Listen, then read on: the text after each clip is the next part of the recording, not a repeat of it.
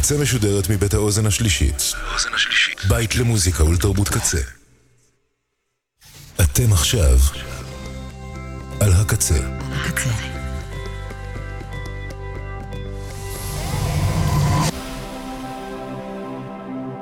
הקצה, הסאונד האלטרנטיבי של ישראל.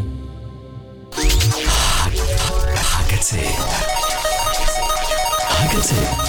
kzradio.net. Welcome. It's nice to have you here. I'm so glad you could come. This is going to be such an exciting day. I hope you enjoy it. Isn't it about time for somebody's favorite radio program? Radio, what the fuck? Radio Rocky. Cinemascope. Yeah. Cinemascope. Cinemascope. In Yair Rave. So yeah, that's you the voice. The radio. That's the radio. I, this is the radio. That's a DJ. No, Hi, better. better.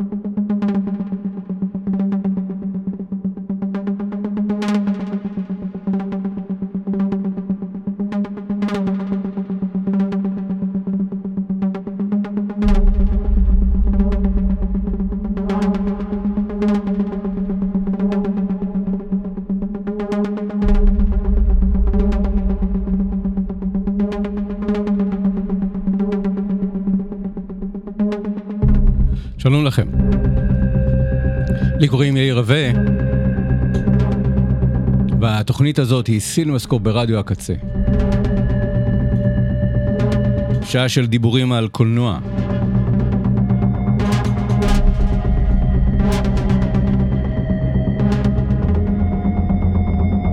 זו תוכנית מספר 397, ביום 2 באוגוסט 2023, ט"ו באב, תשפ"ג, מה אתם יודעים? אולי סוף סוף יהיה יום של אהבה. השבטים רבו ביניהם, ואז הם uh, התפייסו, וזה. היה בט"ו באב. אז היום, לכו, חבקו את בני שבט בנימין. את uh, סימסקו ברדיו קצר עושים עומר סנש, בן אש, לאה שפיגל. תודה על האוזן השלישית, תודה לצוות האתר kzradio.net על כל התכנים שיש שם, כתובים, מנוגנים, המון הפקה ודברים אה, שקורים מאחורי הקלעים, שאתם לא מודעים, אפילו אני לא מודע להם, אבל הם קורים וככה אתם יכולים לשמוע את כל מה שקורה כאן.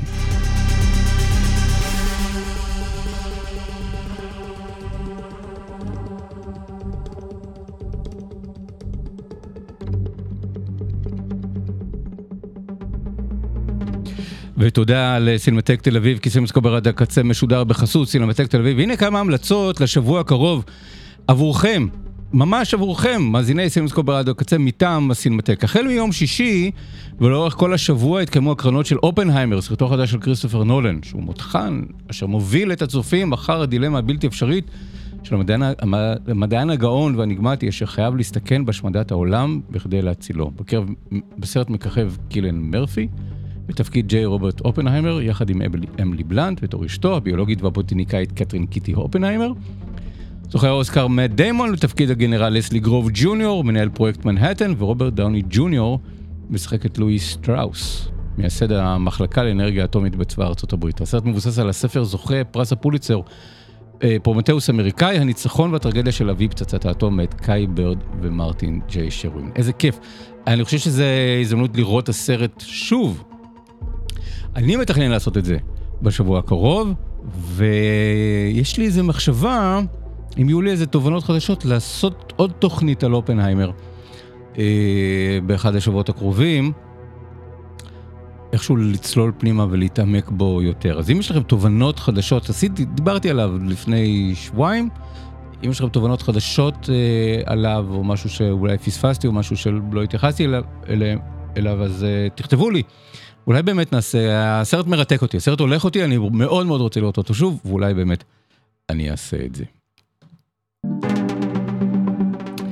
בשישי בשתיים ובשבת, במוצאי שבת בתשע, יוקרן בוקר יפה אחד, סרטה החדש של מאיה הנסן לאב, האיש של ברגמן, שהוא דרמה משפחתית מרגשת בכיכובה של ליה סיידו, הנהדרת, אה, בתצוגת משחק מרהיבה של פעם בקריירה, בסרט אישי ואנושי במיוחד. סנדרו עובדת כמתרגמת ומגדלת לבד את בתה בת השמונה בפריז.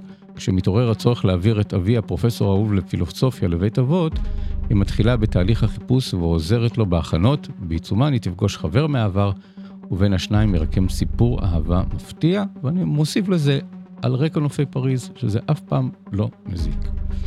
עוד בשבת יוקרן הסרט שביל הזעם, דרום דקוטה, סוף שנות החמישים, קיט, פועל ניקיון בן 25 עם תסרוקת והילוך א-לה ג'יימס דין, מתאהב בהולי, תלמידת תיכון אדמונית גרומה ושתקנית בת 15.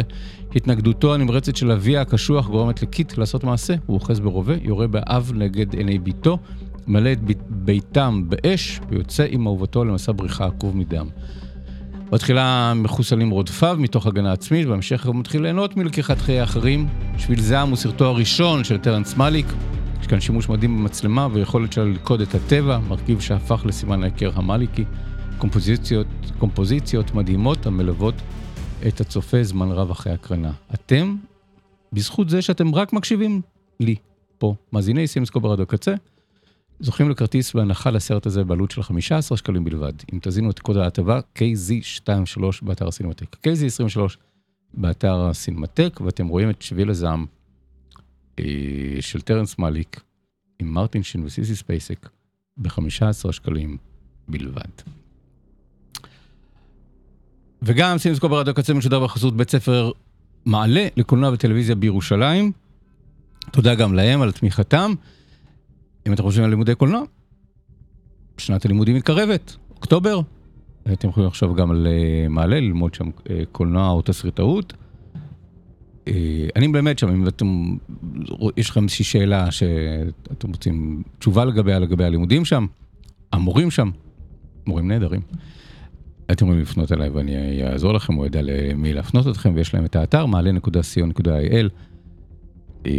יש שם, אני חושב שימים פתוחים לקראת שנת הלימודים המתקרבת. אז תודה גם להם על תמיכתם בתוכנית הזאת. היום 2 באוגוסט, מחר 3 באוגוסט, יום חמישי, התפרסמו המועמדים לפרס אופיר. אני מקליט את התוכנית לפני, אני משדר את התוכנית לפני, אני לא יודע מה היו המועמדים לפרס אופיר, וחשבתי שזאת תהיה הזדמנות אה, להתייחס אה, לא למועמדים עצמם, שזה אני עושה בדרך כלל לקראת הטקס, מהמר מי יזכה, או לא מהמר מי יזכה. אומר מי אני חושב שצריך לזכות. מדבר על זה, זה יקרה בספטמבר, באזור ראש השנה. אבל דווקא רציתי, אה, בגלל שיצא לי לראות לא מעט מה, אה, מהסרטים השנה, להסתכל ככה בתמונה יותר רחבה על הסרטים שאהבתי ולא אהבתי, ואיכשהו לנסות להבין מזה משהו, מה קורה ב, בקולנוע הישראלי ב, בתקופה הזאת. אה, כמובן שזה תמונת מצב קצת אקראית, קצת רנדומלית, אלה הסרטים שהוגשו לתחרות האקדמיה, 28 סרטים, בהתחלה היו 29, הכביש, הסרט כביש הסרגל של מאיה דרייפוס שהיה אמור להתחרות פרש.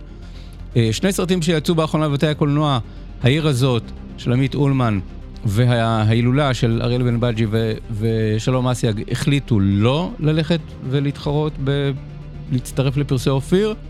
אני חושב שזה טעות. אה, ועוד אה, לפח, שלושה סרטים שהיו בפסטיבל ירושלים, שגם לא נכנסו לפרס אופיר, לא יודע מאיזו סיבה, עניינים של דדליינים או של זמנים או החלטה עקרונית לעשות את זה.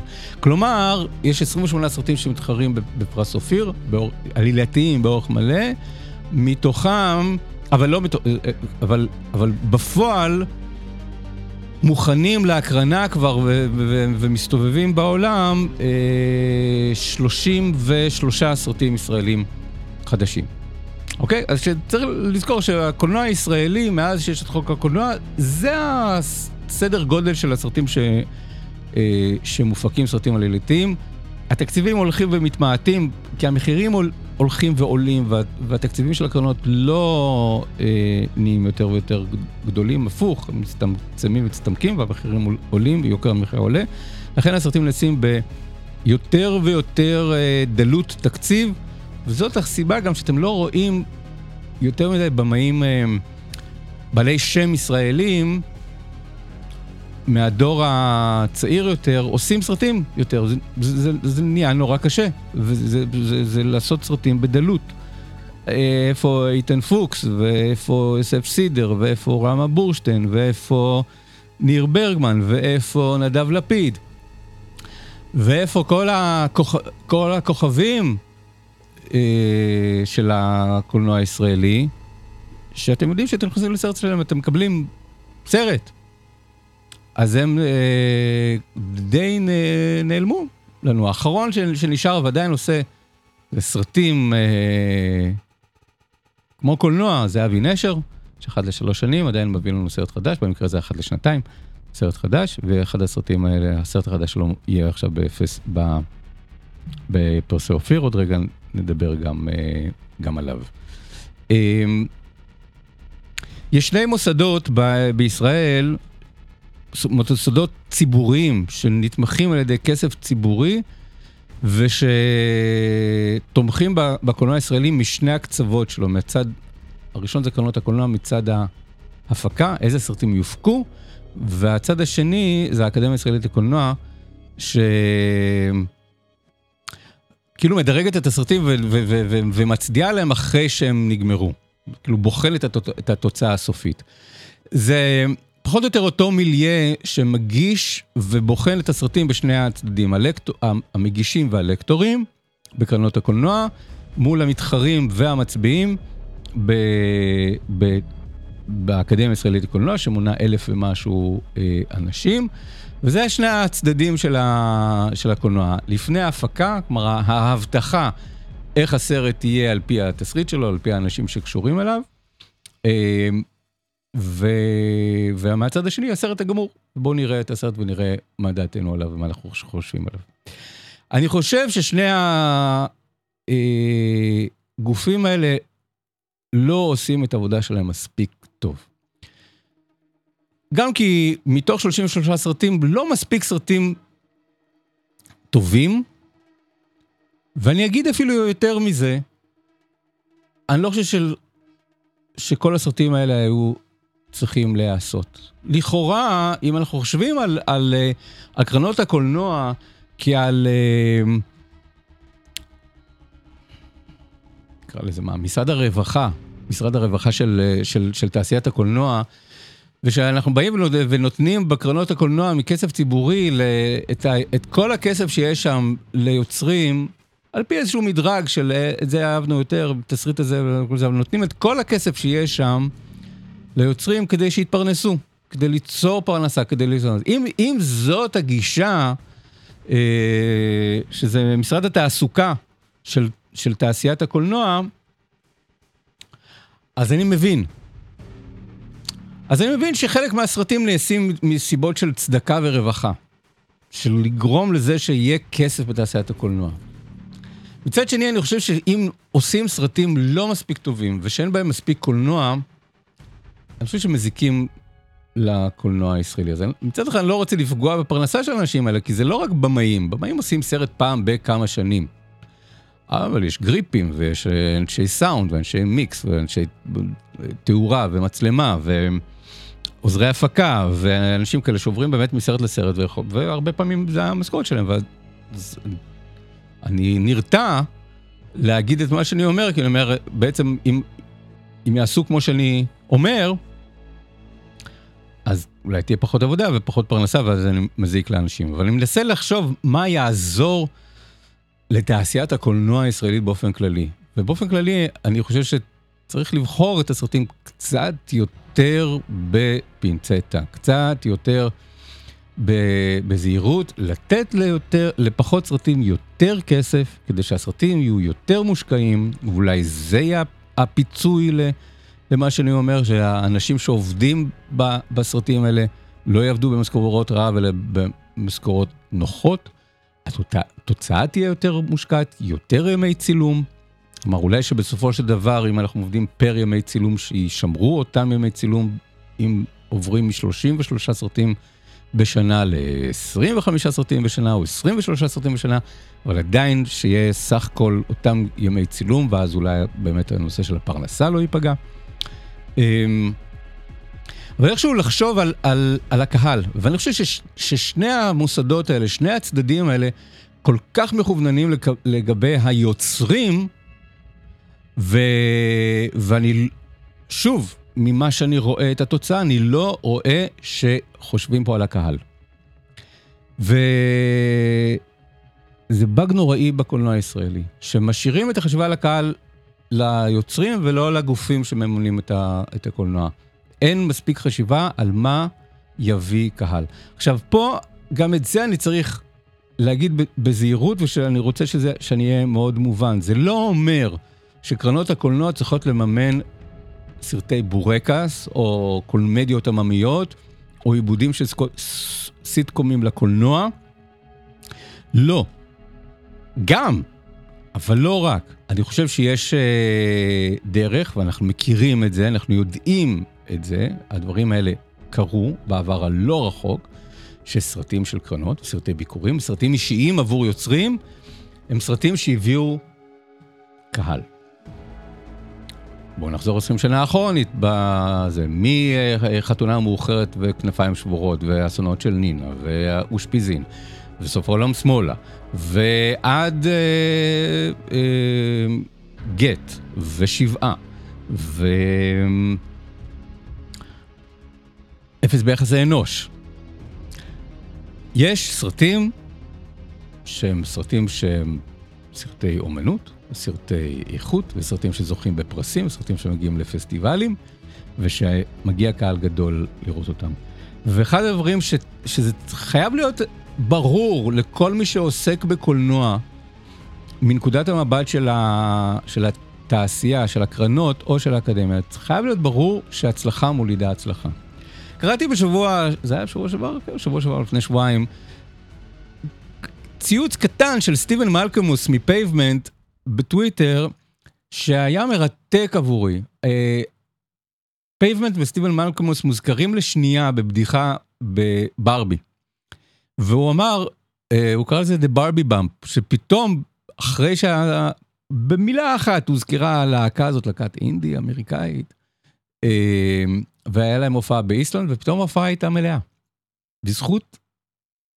כלומר, ברגע שיש משהו שאנשים רוצים לראות, הם רוצים לראות עוד מהדבר הזה. אם יש סרט טוב, עם... אה, לא יודע, עם שולי רן בתפקיד הראשי, עם דנה איבגי בתפקיד הראשי, ואנשים רואים את זה ואומרים, וואי, היא הייתה ממש טובה, ורואים את זה 100 אלף איש, 200 אלף איש, 300 אלף איש, ואומרים, וואי, ממש טובה, מה עוד היא עשתה? ואז רוצים לראות עוד סרטים, או וואי, זה סרט ממש טוב, מה עוד עשה הבמאי הזה? מה עוד עשתה התסריטאית הזאת? אנשים רוצים, מחפשים את הדברים האלה. בישראל יש איזושהי, איזושהי תובנה נורא מעציבה שההצלחה באה על חשבון אה, אחרים. יש פה איזשהו עולם של, של מנטליות של משחק, משחק סכום אפס, שאם אתם עושים סרט זה אומר שאני לא עושה סרט. ואני חושב בדיוק ההפך, אני חושב שאם סרט נעשה והוא מושקע וטוב ו- ולא נעשה באופן מחופף, ולא אומרים יאללה טוב אוקיי נשארו לנו 200, 200 אלף אה, שקלים בקופה, לכו תעשו סרט, במקום לשמור אותם או להוסיף אותם לסרט יותר מושקע ויותר גדול, אה, הקהל לא ידע שהסרט קיים, אם הוא ייתקל בסרט הוא לא יקבל חוויה קולנועית, זה ייראה לו משונה. אנחנו רואים איך סרטים נראים, אנחנו הולכים לסרטים, צרפתיים, איטלקיים, אמריקאים, גרמנים, מגיעים מכל הסוגים, יפנים, סינים, מגיעים מכל הסוגים לזה, אנחנו יודעים איך סרט אמור להיראות, ולפעמים יש סרטים שפשוט לא נראים כמו סרטים. נראים כמו, לא יודע, תוכנית טלוויזיה, תסכית רדיו. ואם קהל נתקלל לדבר הזה, הם מאבדים את החשק לראות סרטים ישראלים.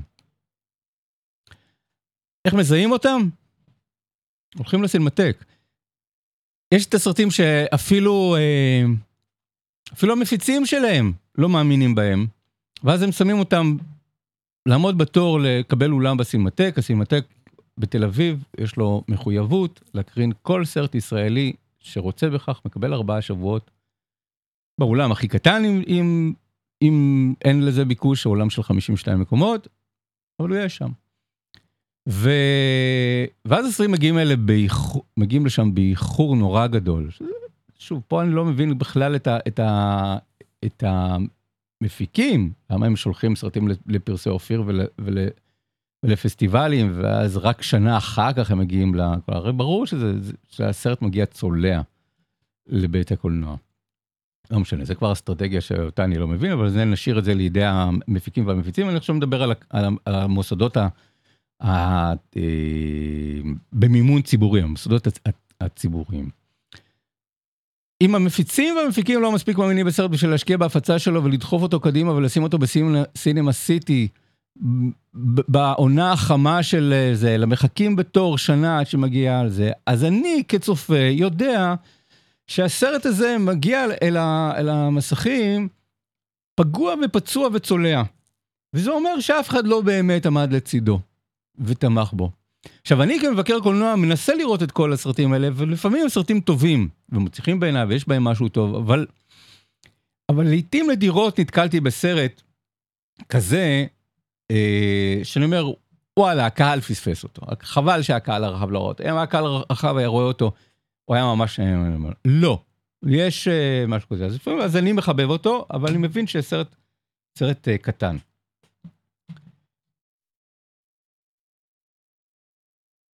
אני אגיד עוד משהו, כי זה, גם את זה מאוד חשוב, כי אני לא רוצה שדבריי יוצאו מהקשרם. שאני חושב שה, ש, שהקרנות צריכות לתמוך רק בסרטים שיביאו מעל, מעל 100 אלף צופים ו, ומעלה, כי אף אחד לא יודע איזה סרט יצליח. היה בשנה שעברה סרט שנקרא השתיקה, של שם מזרחי, הייתי משוכנע שהסרט הזה יביא 80, 90, 100 אלף צופים. חשבתי שזה סרט שעשוי בצורה טובה, מאוד מתח אותי, ממש חושב שזה מעין מותחן ישראלי. לא עבד. מתי סרט עובד זה? אף אחד לא יודע באמת. אה, אם היו יודעים, לא היו פלופים, כלומר, כל ה-33 הסרטים ש, שנבחרים להפקה, היו כולם הופכים לשוברי קופות, קופות. ותראו, באמר... עזבו את ישראל, תראו באמריקה. תראו כמה כישלונות מסחרים יש באמריקה, אף אחד לא יודע.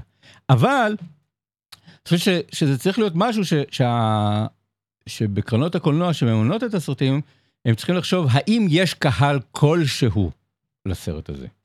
ובקהל כלשהו זה לא רק 100 אלף צופים שהפכו אותו לאיזה תופעה או, או למשהו אופנתי או, או לשלאגר או ללהיט או למשהו עונתי של, של סרטי קיץ, אלא מבחינתי אם הסרט מצליח להגיע לפסטיבל כאן או לפסטיבל ונציה או פסטיבל ברלין או לסנדנס או לטורונטו.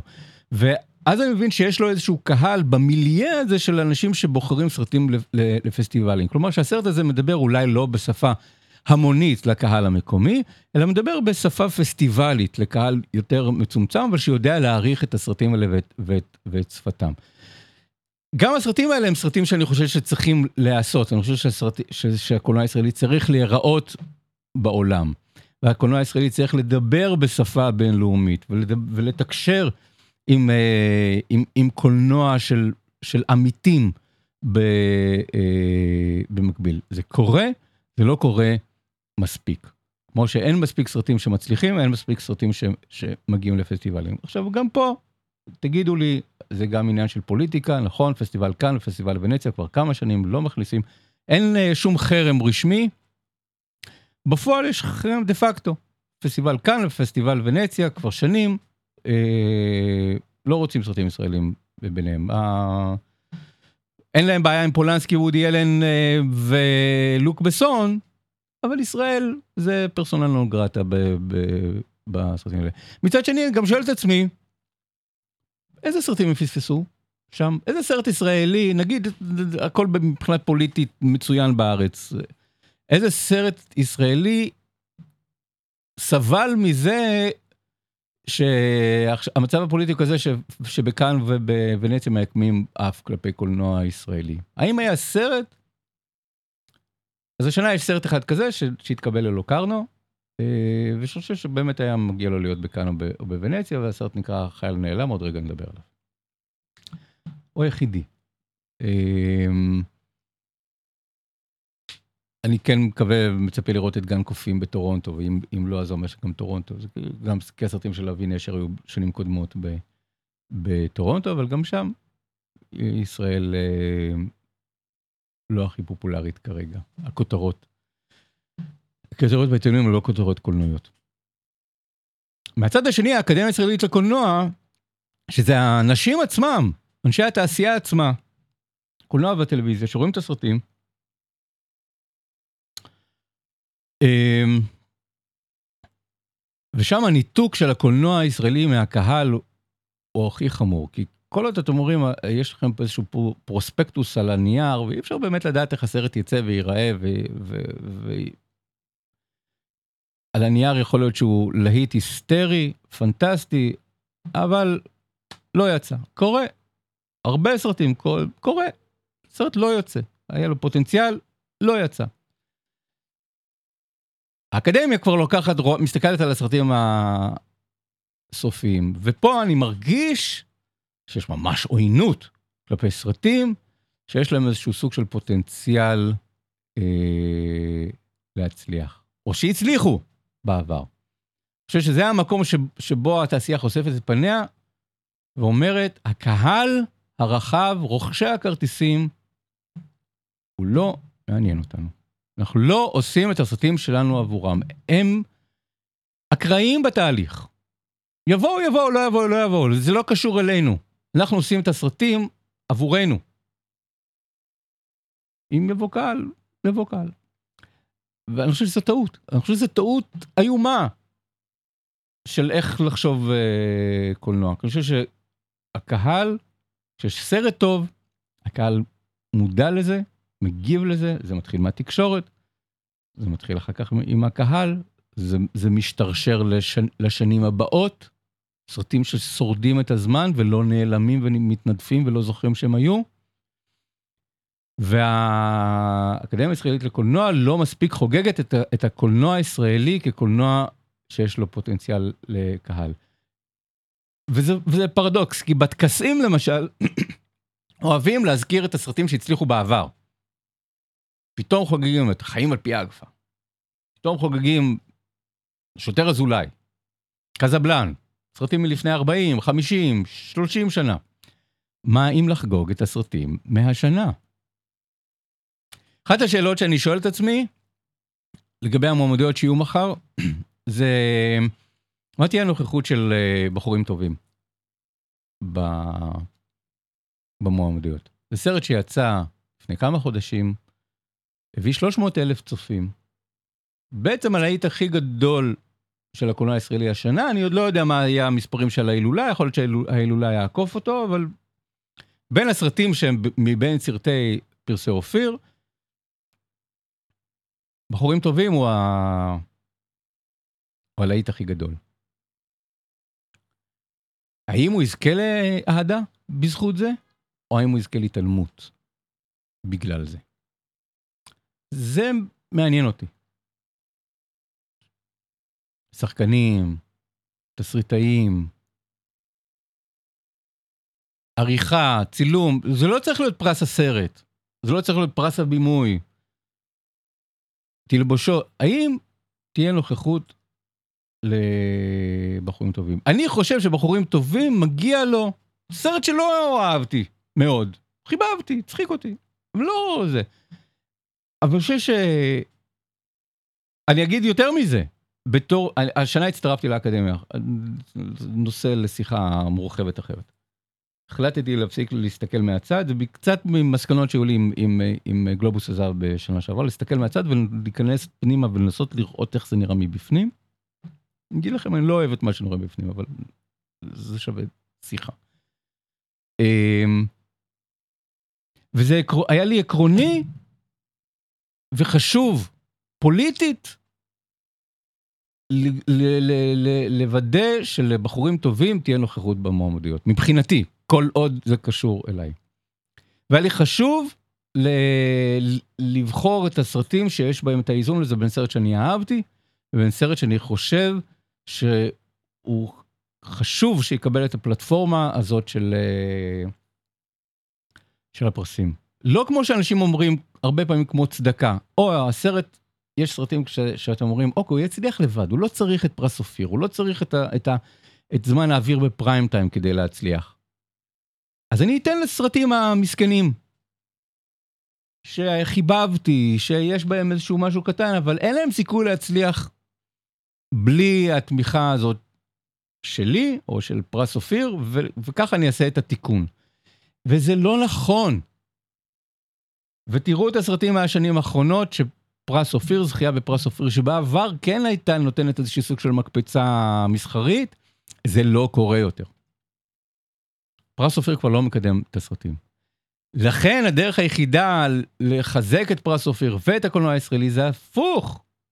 לוודא שהסרטים הם אלה שמחזקים את, את, אה, את האקדמיה ואת, ואת פרס אופיר, ולא להפנות אליהם את הגב, או לעקם כלפיהם את האף, בגלל שהם מסחריים, או שיש להם פוטנציאל מסחרי, או, שיש, או שהקהל אוהב אותם.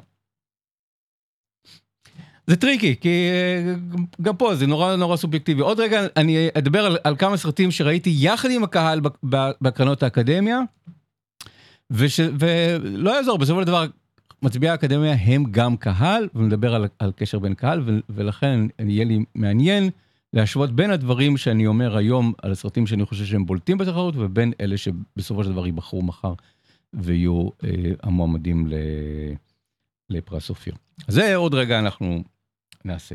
אחת הקטגוריות שאני לא יודע למה אין בפרס אופיר זה אה, קטגוריות השיר. למה? יש שירים בסרטים ישראלים, למה לא לעשות קטגוריות שיר?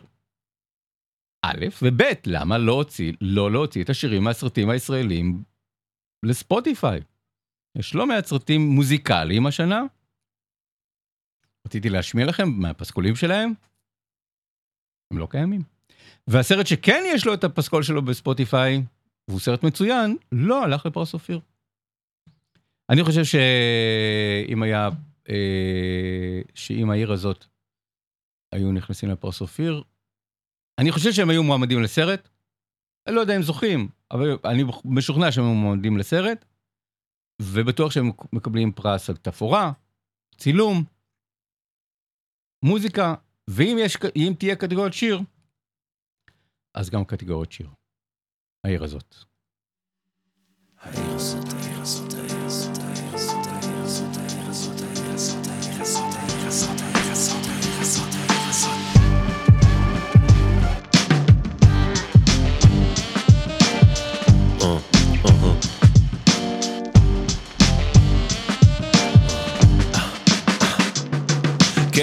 הזאת תדע ימים טובים יותר, יפים יותר. ימים בהם ידעת אם רצחת לא ירשת. ימים בהם אחוז הזכאים לבגרויות היה גבוה. ואמרו כאן לבריאות כשהתעטשת.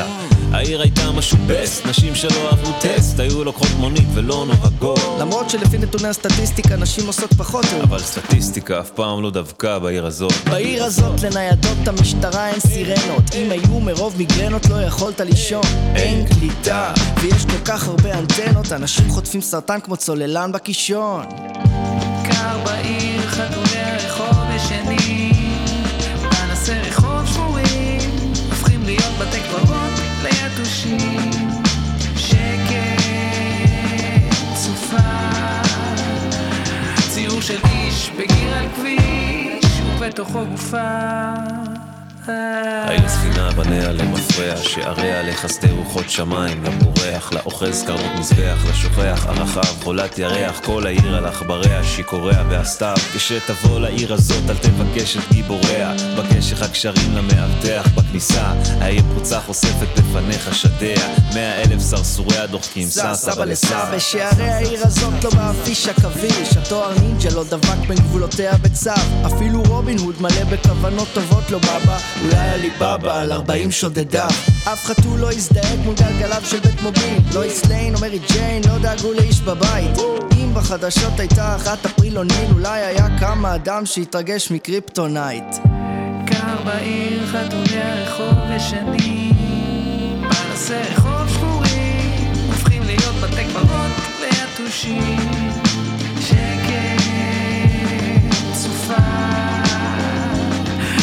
של איש בגיר על כביש. ובתוכו גופה העיר ספינה בניה למפרע שעריה לחסדי רוחות שמיים לבורח לאוחז כמות מזבח לשוכח על רחב חולת ירח כל העיר על עכבריה שקורע והסתיו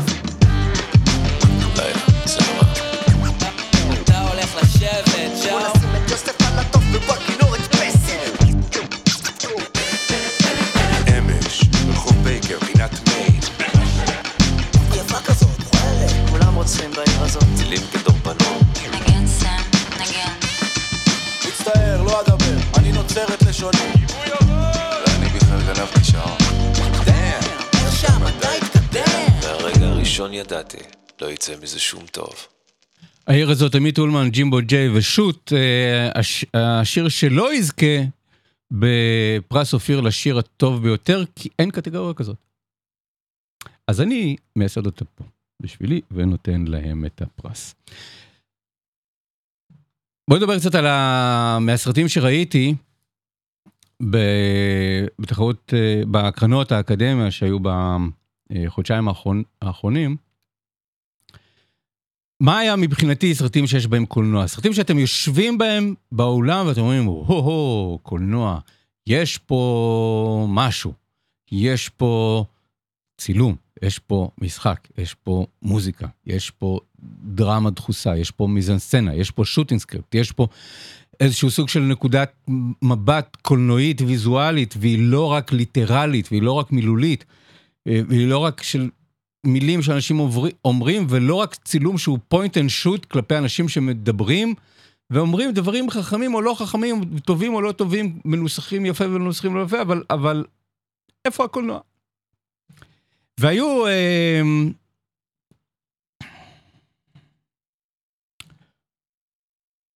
שלושה כאלה, או שלושה וחצי כאלה.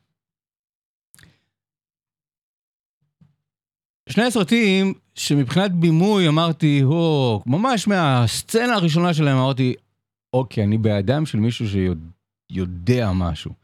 זה גן קופים של אבי נשר, לא מפתיע. אני אוהב את הסרטים של אבי נשר ואני חושב שהוא רק הולך ומשתכלל מסרט לסרט. דווקא סרט קטן, אבל כבר מהשעות הראשון שלו אתם אומרים, אוקיי, יש פה... יש במה אל הסרט. והשני זה החייל הנעלם של דני רוזנברג. שאני חושב שיהיה סרט בולט מאוד בתחרות. אמ, לא אתפלא אם הוא יזכה בפרס הבימוי, כי יש שם בימוי. הסרט השלישי, שיותר משאהבתי אותו, כלומר, יש לי הסתייגויות כלפיו, תכף נדבר על זה, אבל סרט שכשישבתי באולם וראיתי אותו עם אנשים, חברי אקדמיה, ואמרתי, אוקיי, אנחנו בכל זאת, זה קהל. וראיתי איך סרט עובד על קהל. זה מרתק, זה דבר, אחד הדברים שלפעמים יש לי את הדעה שלי על סרטים, אבל לפעמים כשאני יושב בסרט ומרגיש איך סרט עובד על קהל, אני אומר, רגע, אני לא יכול להתעלם מזה. הסרט הוא שבע ברכות. ביימה אותו איילת מנחמי. אה, וכאמור, תזכרו, אני מקליט את זה לפני שהמקליט וגם משדר את זה, לפני שהמועמדויות מתחרות, אני מהמר שזה יהיה הסרט עם uh, הכי הרבה מועמדויות, ויוכתר מיד בתור הסרט המוביל, ונראה לי גם שהוא הולך להיות הסרט הזוכה. ואת זה אני מבין. את זה אני מבין, ראיתי את הסרט עובד על קהל, אני חושב שנראה את הסרט עובד על קהל כשהוא יוצא לבתי הקולנוע, יש לו פוטנציאל לעבוד על, uh, על קהל.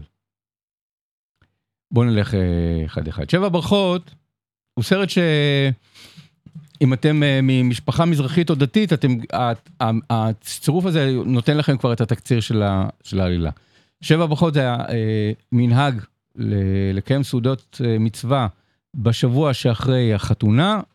כל יום סעודה חדשה מארחים את כל המשפחה מחדש למעין חתונה קטנה. אה, סביב שולחן עם פת לחם ואורח חדש שלא הגיע לחופה, פנים חדשות. ועושים את כל הברח, שבע הברכות שאומרים מתחת לחופה, עושים אותם אה, אה, אה, מחדש. והסרט ככה הוא בנוי, הוא בנוי, מחולק לשבע מערכות לא שוות באורכן, כל מערכה ביום אחר, בשבוע אחרי חתונתם של שני גיבורי הסרט, בייחוד הגיבורה, מגלמת אותה ריימונד אמסלם, שאני חושב שתזכה בפרס אופיר על המשחק וגם על התסריט. אה, וקצת כמו בסרטים הצרפתיים האלה ש, שבהם אנשים באים ומתארחים לארוחת ערב ושותים יותר מדי יין וכל הסודות נחשפים, אז פה תחדדו את זה, במשפחה המרוקאית הזאת זה לוקח להם שבוע. בהתחלה הכל אה, בסדר, אבל מתחילים להרגיש את המתחים, וככל שהימים עוברים, יום ועוד יום, ארוחה ועוד ארוחה, עוברים כל פעם מבית לבית, מבין משפחה לבת משפחה אחרת, וכל התככים וכל הסודות וכל החשבונות אה, שיש אה, בין אה, בני המשפחה, ובייחוד בין הגיבורה ובין משפחתה, הכל אה, צץ ועולה. הגיבורה שיש לה שתי אמהות בעצם. האימא הביולוגית שלה, שמגלמת אותה טיקי דיין, שתזכה בפרס אופיר לשחקנית משנה. והדודה שלה, שמגלמת אותה רבקה בכר, שהיא בעצם הייתה האימא המאמצת שלה. היא הייתה אישה עקרה, ואימא של ריימונד אמסלם, האימא של, השחק... של הדמות, אה, מסרה אותה לאחותה כדי שהיא תגדל אותה. וככה לה יהיה קצת פחות ילדים, ולה יהיה לפחות ילד אחד. מסתבר שזה היה מנהג נהוג במשפחות מרוקאיות בעבר. הסרט מתרחש באיזשהו עבר שלא לגמרי ברור מתי הוא, אבל אנחנו מבינים שזה אה, עולם טרום סלולרי, נגיד משהו כמו 1989-1990, אם אני מזהה את הדקור של, ה, אה, של הדירות, לא זוכר שראיתי שיש אה, תאר, שנה ב... על, ה, על המסך, אבל אנחנו מבינים שאנחנו נמצאים בעבר הלא מאוד מאוד רחוק. כלומר, ה... אה, אחותה של הגיבורה נולדה ב-1950, תש"י, זה נאמר בסרט, ובהנחה שהיא בת, בת 40, אז זה באמת סרט שמתרחש ב-1990. סרט תקופתי, אבל לא מאוד מאוד תקופתי. זה גם לא נורא בולט ב, אה, בסרט. אה, סרט שאלף מלחמי באמת שאני מאוד מאוד אוהב, לא לגמרי הרגשתי איך היא מתחברת לנושא או איך אני רואה פה את, את אלף מלחמי, והייתי מסויג מהסרט לכל אורכו, חשבתי שהמבנה הזה של כל מערכה סעודה, כל מערכה יום, יש בו משהו שהוא אה, כמעט תיאטרלי אולי, כל אחד בלוקשן אחר, אבל יש בסרט הזה חשמל. יש בסרט הזה חשמל של מפגש של שחקנים, אנסמבל עצום של שחקנים. מבחינה הזאת, משהו שאם רונית אלקבץ הייתה בחיים, היא א', הייתה נהנית לביים את זה, וב', הייתה נהנית לשחק בזה. אמ, אנסמבל של שחקנים, והחיבור ביניהם ובין איזשהו תסריט שהולך ונהיה יותר ויותר חריף ושנון וחד וכואב,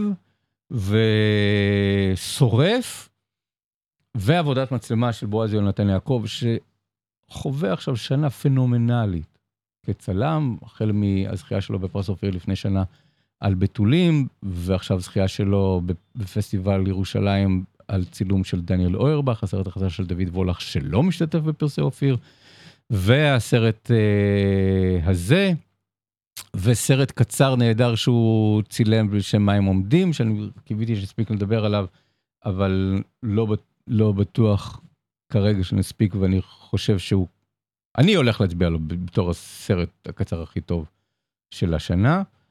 אה, ומה עוד הוא צילם? יש עוד, עוד, אה, הוא צילם גרגירי חול, את זה לא אהבתי, אבל הקרדיטים שלו הם, אה, הם אה, רבים ו, ו, ו, ומרתקים.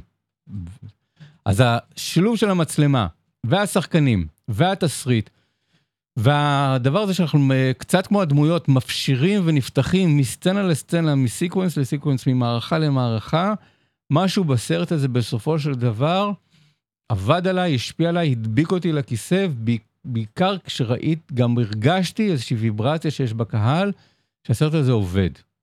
עובד, הוא אפקטיבי. אה, וזה פלא כשפוגשים את, ה, את הדבר הזה. סרט ש, שאתה אומר, מה לי ולא? מה לי ולס, ולעולם הזה? ואתה מגלה, כמו שרואים סרטים סינים, יפנים, אני לא מכיר את מנהג שבע ברכות, לא מכיר את מנהגי המשפחות המרוקאיות, לא זוכר את 1990 אה, כמשהו להתרפק עליו, ומשהו בסרט הזה עובד. אז המפגש בין סרט וקהל יכול להפוך את, ה, אה, את הסרט הזה. ואם כן, אני אהיה מרוצה, כי אני חושב שזה סרט שיכול אה, להביא קהל. אני חושב שזה סרט שיכול להביא 100, אפילו 200 אלף אה, צופים וצופות לבתי הקולנוע, ולהפוך אותו למעין חגיגה. חגיגה מאוד כואבת של, של קולנוע, אבל, אבל אה, חגיגה. הסרט השני הוא החייל הנעלם. הוא הסרט השני של דני רוזנברג, לפני uh, שלוש שנים. הוא הביא את סרט הביקורים שלו, uh, העלי, העלילתי, הוא עשה לטלוויזיה, הוא עשה דוקומנטרי. אה, את הפרויקט שלו שמאוד מאוד אהבתי, שנקרא אה, מותו של הקולנוע ואבא שלי גם, אבל תהיתי, אה, לא לגמרי הבנתי איזה במאי יהיה דני רוזנברג, איך יראה הסרט השני שלו, ועכשיו ראיתי את הסרט השני שלו, שפותח במעבדת התסריטים של סם שפיגל בירושלים, ו... וואו, פשוט וואו של סרט. אני מקווה שזה לא יופיע בפוסט היום, אבל פשוט וואו. אה, סרט עם התקציר הכי פשוט בעולם. חייל ב... בעזה, מתחרפן, מאבד את שתונותיו, לא רוצה להיות שם יותר, יותר, לוקח את הרגליים שלו ובורח. ומפה, במשך שעה וחצי, החייל הזה בורח, רץ. תקשיבו, ראיתי את הסרט הזה בשבוע או שבועיים שראיתי את, את uh, משימה בלתי אפשרית 7 עם תום קרוז, ובעיניי הסרטים האלה שקולים מבחינת האנרגיה העצומה שיש ב, ב, בסרטים האלה, והשחקן הראשי, שהוא כולו פיזיות, כמו שאנחנו כל הזמן מדברים על זה שתום קרוז עושה את הפעלולים שלו. אה, איך קוראים לו? לשחקן הזה, טאקו, לא הכרתי אותו. אה, החייל הנעלם, מחפש תוך כדי שאני...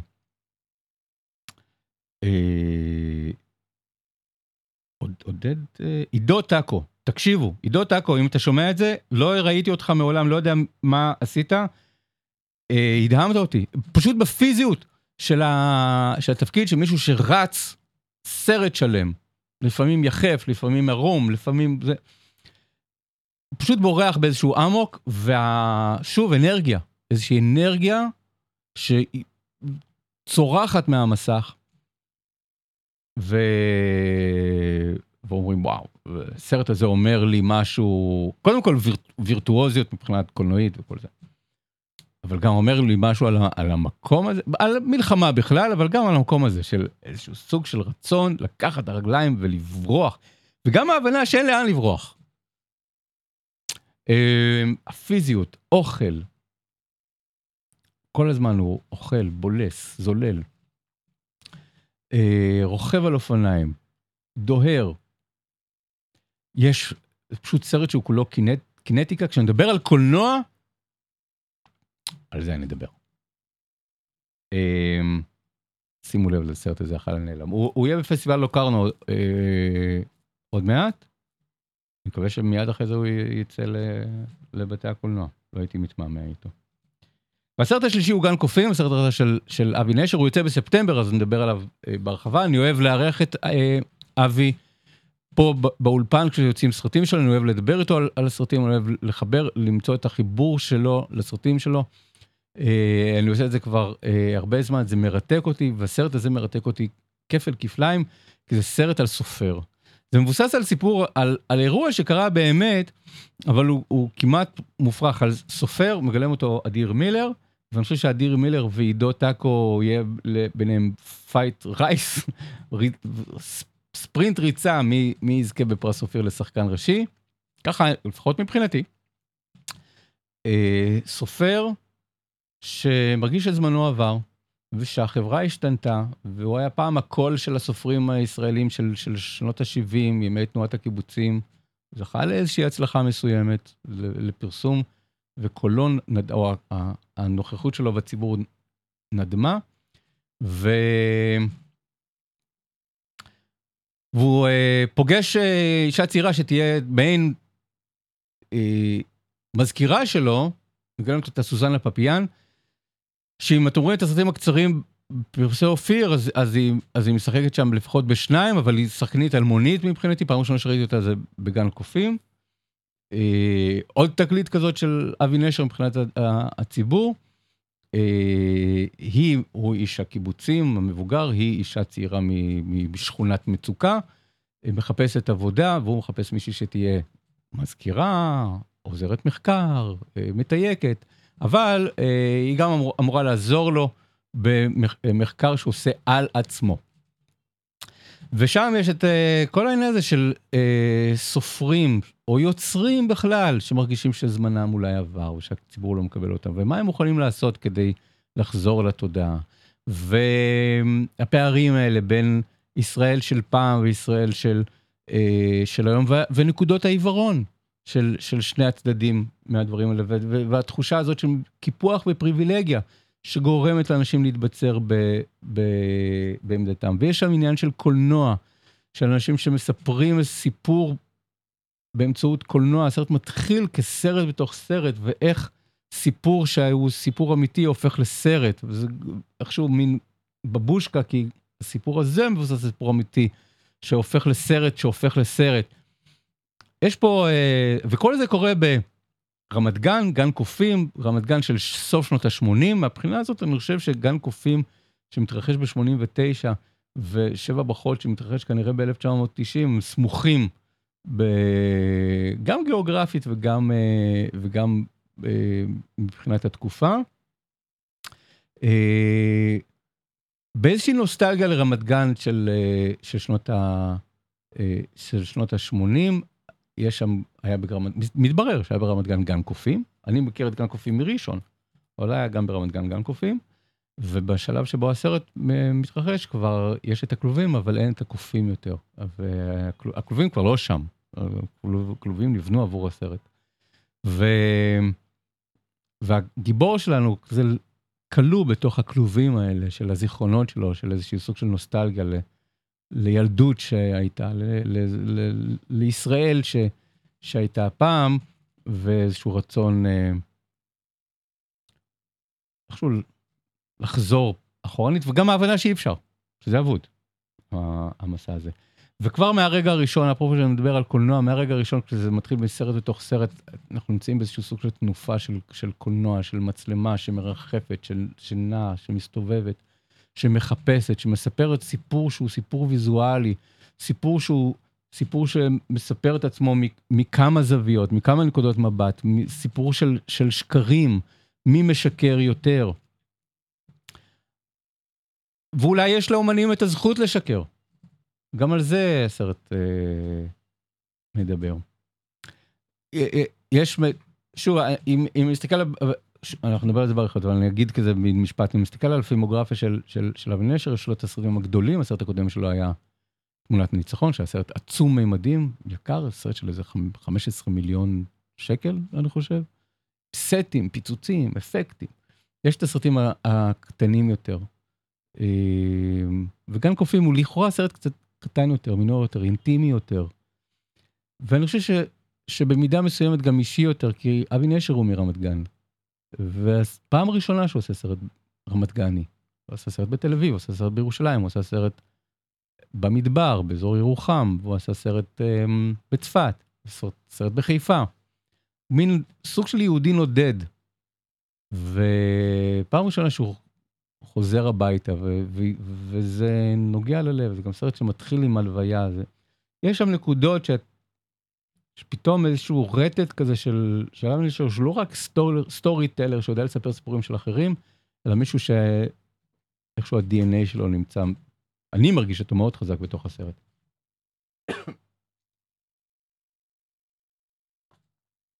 שלושת הסרטים האלה אני מצפה ש... וואו, אני מאוד מאוד אופתע אם הם לא יהיו בולטים בתחרות. סרט רביעי, אני אגיד, אה, שהוא גם סרט שהפתיע אותי, סרט שנקרא ברווזים, אגדה אורבנית, סרט שמבחינה קולנועית הוא לא דומה לקולנוע שאני אוהב, וכשהוא יצא צריך להרחיב עליו, כי, כי צריך לפרק אותו ל, ל, לחלקיקים. אבל הוא תפס אותי, הוא עבד עליי. הוא, יש בו משהו ריאליסטי מדי, סרט שמתרחש בסיפורים, תמונות קצרות בשכונת התקווה, סרט שמבוסס על איזשהו סוג של תהליך של אימפרוביזציה של uh, עבודה עם, שחקנים, נראה לי קצת מהאופי העבודה של מייק לי עם השחקנים שלו. בישראל, זוכרים שפעם אמרו, uh, התלוננו שכשעירום מאוד הצליח בארץ, עירום של מייק לי אמרו, הסרט הזה אף פעם לא יעבור קרן בישראל, אף אחד לא... אז אני חושב שזה, שקצת יש בעולם של עירום, של, של מייק לי בברווזים. לכן קשה לי, זה לא הסוג הקולנוע שאני אוהב, אבל יש שם משהו שתפס אותי, זה סרט שמספר כמה סיפורים, ואחד הסיפורים הוא אחד הסיפורים הכי טובים ש, ש, שמבוצע ונעשה שם. סיפור שבמרכזו נמצא ארז דריגס, אה, שהקסים אותי. אז אני מקווה שהתסריט, ולפחות ארז דריגס, או, או אפילו יותר מזה מהסרט הזה, אה, גם הוא יהיה מהבולטים בפרס אופיר. אמ, אני אזכיר עוד, עוד במשפט את הסרט חדר משלו, של מתן יאיר, אה, שעשה את פיגומים. פיגומים הצליח. והנה דוגמה למין, אף אחד לא יודע שום דבר. זה, פיגומים הוא מהסרטים האלה שאם אני הייתי בקרן, או אם הייתי כזה לקטור, או אם הייתי רואה את הסרט הזה כמפיק או כמפיץ, הייתי אומר, מי יראה את הסרט הזה? וראו את הסרט הזה. ופה אני אומר שיש יש דברים בקולנוע שאי אפשר לנבא אותם, ואני מאוד מאוד משוכנע בטעם שלי, ואני מאוד נלחם על הטעם שלי, אבל גם אומר, אני לא תמיד, אני יודע. כשאני אומר שאנשים רוצים קולנוע, לקולנוע יש כל מיני צדדים, ופיגומים הוכיח את הדבר הזה. הגיע קהל אה, לסרט הזה, כי הוא התחבר לאינטימיות ול, ול, ול, ולקונפליקט שהיה בתוך הסרט. אני חושב שזה סרט, סרטים, סרטים שהם סרטים שהם דלים בקולנוע, שאין שם מצלמה, יש שחקנים ויש תסריט. שחקנים טובים, התסריט נבון, יש במאי נבון מאחורי זה שיש לו מה להגיד על, על העולם, איזשהו סוג של מערכות יחסים שחוזרות בכל היצירות שלו בין הורים וילדים ובין אה, ילדים ומורים. מהבחינה הזאת הסרט, הסרט החדר משלו ממשיך מאוד מאוד את פיגומים ואת אחד על אחד ואת... אה, אה, היה לו עוד יצירה של שעת אפס, שעת מחנך, לא זוכר. אה, אני חושב שזה לא, שאין פה קולנוע. אבל, אבל יש איזושהי, איזושהי מפגש בין ילד ובין המבוגרים סביבו, שהוא מנוסח מאוד יפה. וילד שיש לו מה להגיד, ואני שומע את קולו של הבמאי מהדהד מבעד לגרונו של הילד, וזה משעשע אותי. אז כלומר, אני מבין משהו מהשקפת העולם של, של, של הבמאי שכתב את התסריט, מבעד לקולו של, של הילד, וזה מנוסח יפה וזה שנון, וזה מאתגר. אבל אני אומר, כאילו, אם הייתי יכול גם להוסיף לזה קולנוע, קולנוע במובן הזה שיהיה לי גם על מה להסתכל בסרט, אז הייתי מרוצה. אה, מהבחינה הזאת אני לא מרוצה, זה הסרטים האלה שאני מרגיש שיש בהם משהו שהוא אנטי קולנוע. לי. אבל אני גם לא אתפלא אם יתברר ש... שהקהל יתחבר גם אה, לזה, מאת הבמאי של פיגומים. שוב, לא הצלחה גדולה, אבל סרטים קטנים לא צריכים גם הצלחה גדולה, צריכים הצלחה מינורית. אז יהיה מעניין לראות איך הקהל אה, יתחבר את זה. מה שעמי סמולרצ'יק עשה בפיגומים עושה עכשיו דרור קרן ובכלל שנה מדהימה לדרור קרן לשלושה סרטים שהוא משתתף בהם או כשחקן או כתסריטאי או גם וגם. אז כל הכבוד לדרור קרן בשנת הפרסי אופיר אה, הזאת. אמ, אם היה קטגוריות אה, אם הייתה קטגוריות לשיר הטוב ביותר בפרסי אופיר. אז יכול להיות שזה היה מועמד מתוך. מתוך אה, אה, בחורים טובים, אברהם טל.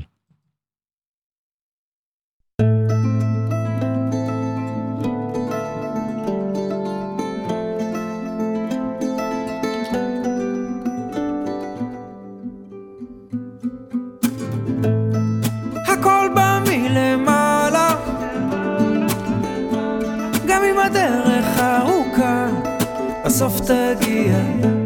כולם רוצים לחזור הביתה שיש. האור מפציע, יום עולה, אה, הכל פה משתנה, אה, וכל הזמן מפה לשם אני הולך, אני הולך קדימה, יום עולה, אה, הכל פה משתנה, וכל הזמן מפה לשם אני הולך, אני הולך קדימה.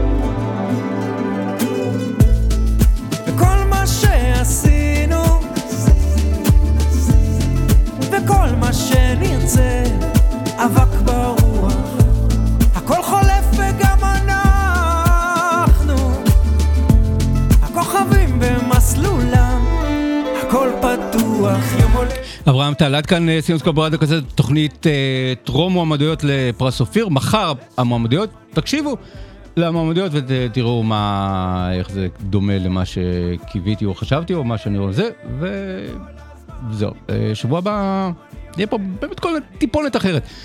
יאללה ביי.